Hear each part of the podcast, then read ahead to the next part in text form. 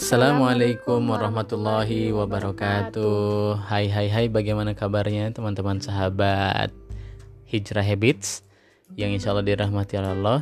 Jadi gimana nih sekarang di tengah work from home dan study at home? Kabarnya apakah masih baik-baik saja? Nah, Semoga baik-baik saja ya semua teman-teman di rumah dan di mana pun berada. Ya, kami di kesempatan kali ini ingin melanjutkan sesi diskusi dengan eh, tema apa ya kira-kira? Tentang penjajahan gaya baru. Ya, tentang neokolonialisme dan neoimperialisme. Pasti teman-teman bertanya, ah, apa sih itu? Ya, dan kali ini kita akan nggak mengupas secara mendalam juga, cuman sekedar chit-chat ya.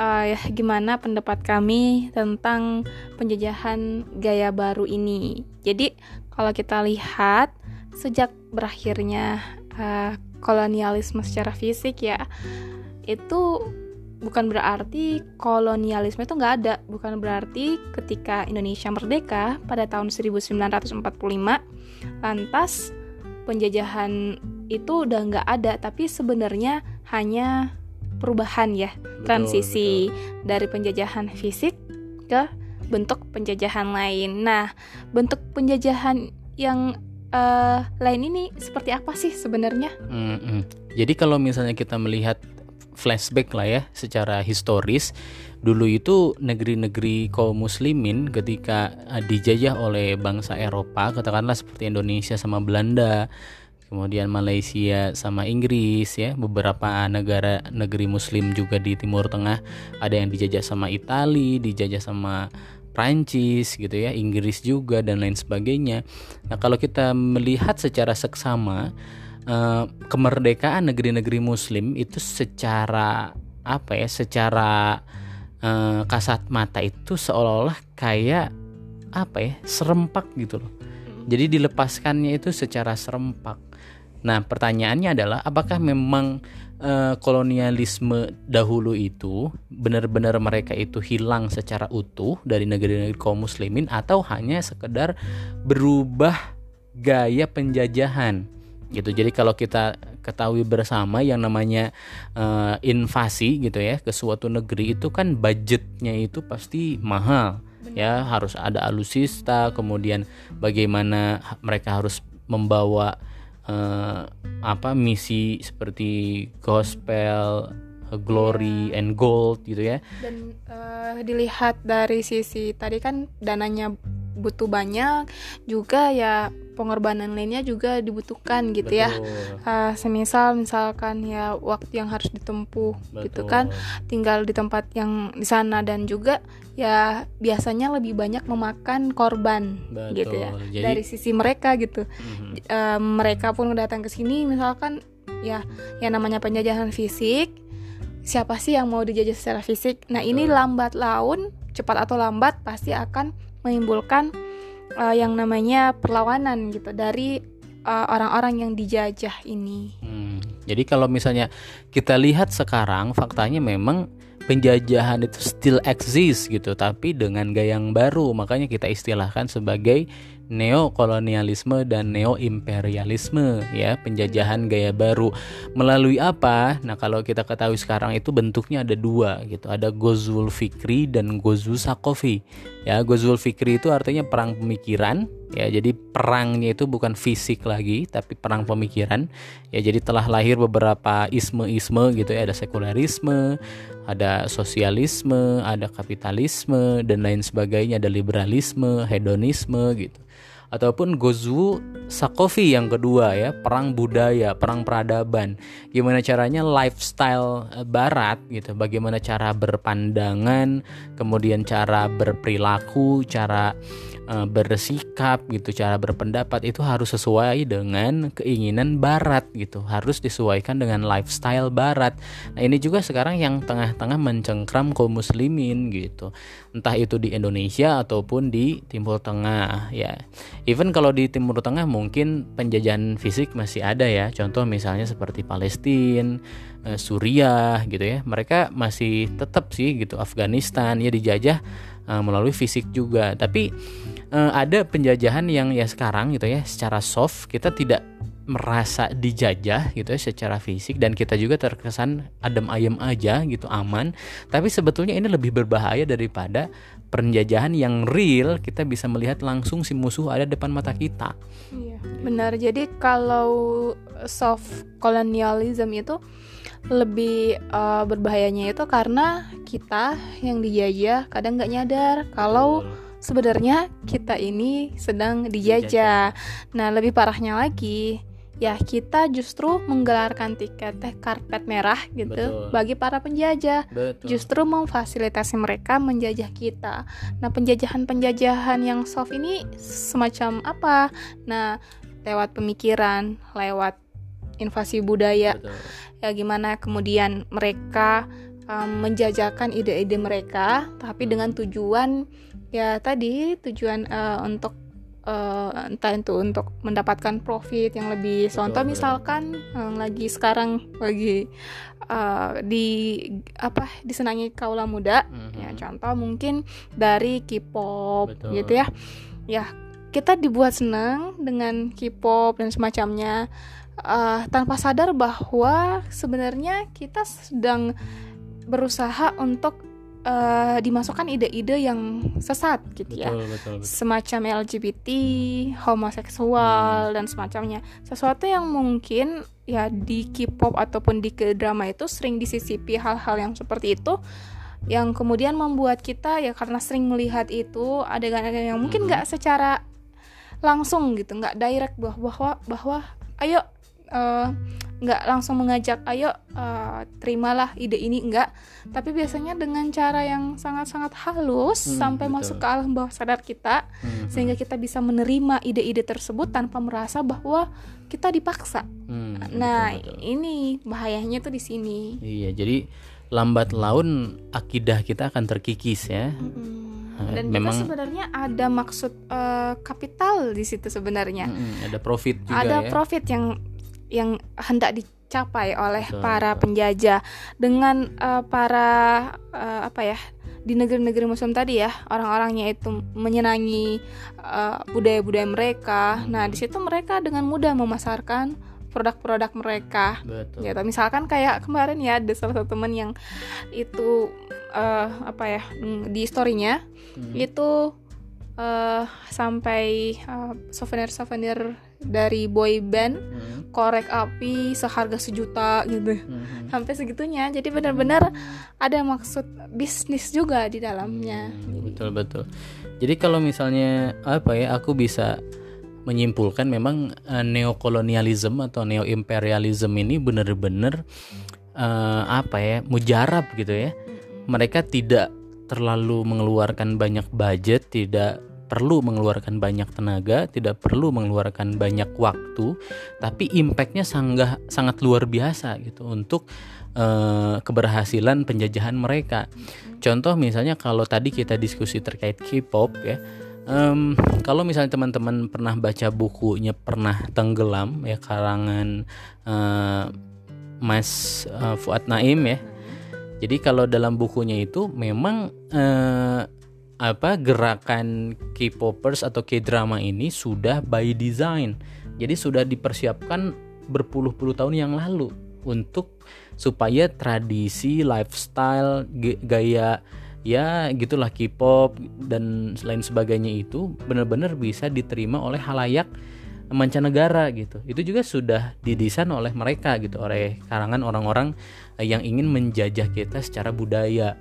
Belum lagi misalnya kalau kita uh, berpindah ke bagaimana barat penjajah kita, ya sekarang uh, bermunculan kayak komik-komik, misalnya kan ada Marvel, kemudian ada Justice League, ya Superman dan lain sebagainya. Bagaimana seri-seri Marvel itu sungguh-sungguh membuat kaula muda sekarang itu nggak tahu hero yang sesungguhnya di dalam Islam. Iya. Mereka lebih mengenal Iron Man, Captain America, ya. Mereka lebih mengenal Spider-Man gitu. Justru kalau misalnya kita tanya siapa sih superhero real yang itu uh, pernah eksis di dunia ini? Contoh misalnya hmm. kayak Khalid bin Walid, kayak saat bin Abi Waqqas, kemudian Muhammad Al-Fatih yang menaklukkan Konstantinopel pun mungkin kalau kita ditanya kira-kira mereka menaklukkan Konstantinopel tahun berapa misalnya? Mereka itu nama aslinya siapa? Pasti mereka juga nggak tahu gitu. Mereka lebih tahu secara detail malah pahlawan-pahlawan Marvel gitu. Bener. ini juga bentuk penjajahan pemikiran yang ini sebetulnya tidak terasa sama kita tapi ini benar-benar eksis gitu. Penjajahan itu benar-benar eksis yang akhirnya adalah berujung kepada akidah kita yang uh, menipis kemudian lama-lama hilang gitu. Jadi uh, kenapa kemudian apa ya kita dibombardir dengan banyak tokoh-tokoh fiksi pahlawan-pahlawan fiksi mm -hmm.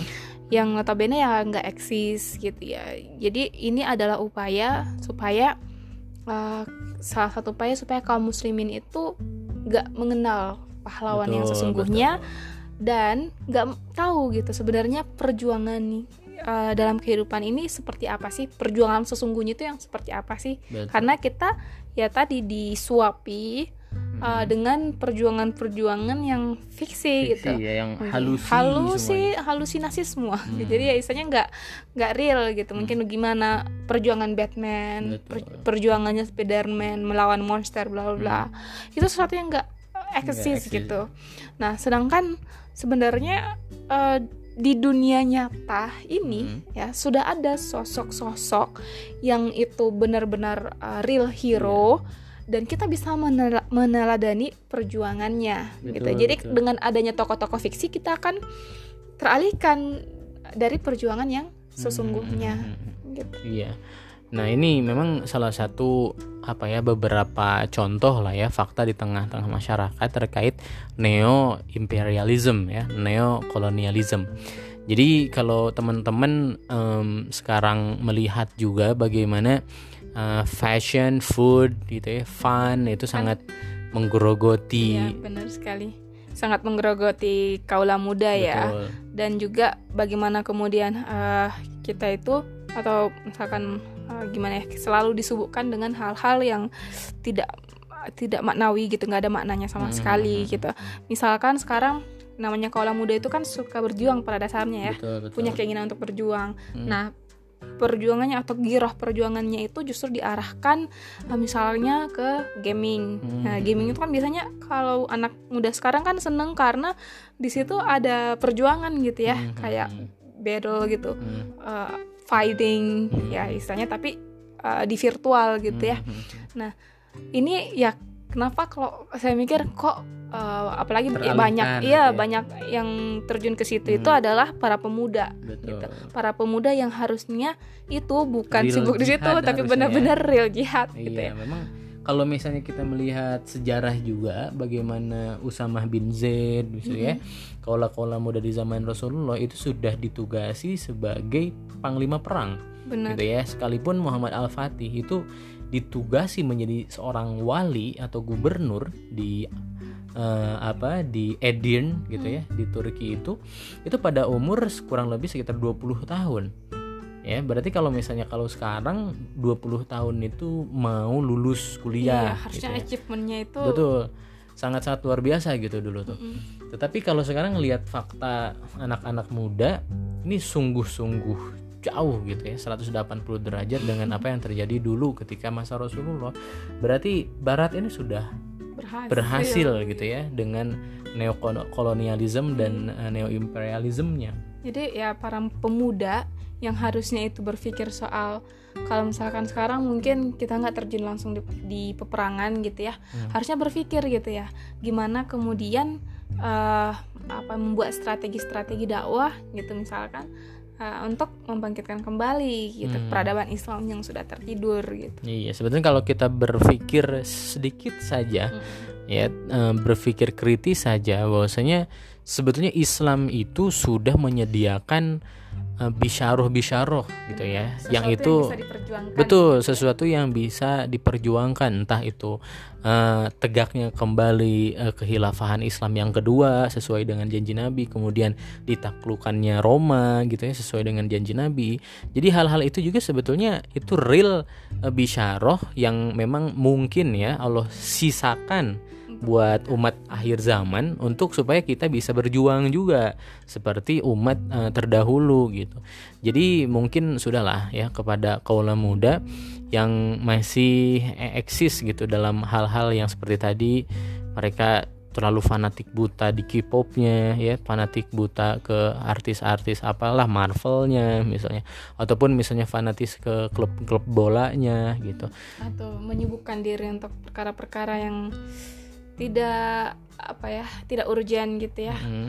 uh, sudah saatnya lah. Berkarya ya, untuk berkarya dakwah ya. untuk dakwah dan senantiasa memikirkan gitu. Setiap perbuatan kita aktivitas kita kita niatkan gitu untuk Allah dan gimana caranya aktivitas kita itu berasar gitu ya berpengaruh betul, punya betul. pengaruh gitu. Bukan sekedar uh, beraktivitas uh, nonton uh, itu main game atau apa gitu tapi nggak ada asarnya sama sekali rugi sekali gitu hmm. karena kita hidup di dunia ini itu sangat sangat singkat hmm. sangat sangat singkat dan uh, saat kita di dunia lah nah istilahnya kalau itu uh, di bidang pertanian ya kita tuh sekarang lagi uh, bercocok tanam gitu ya.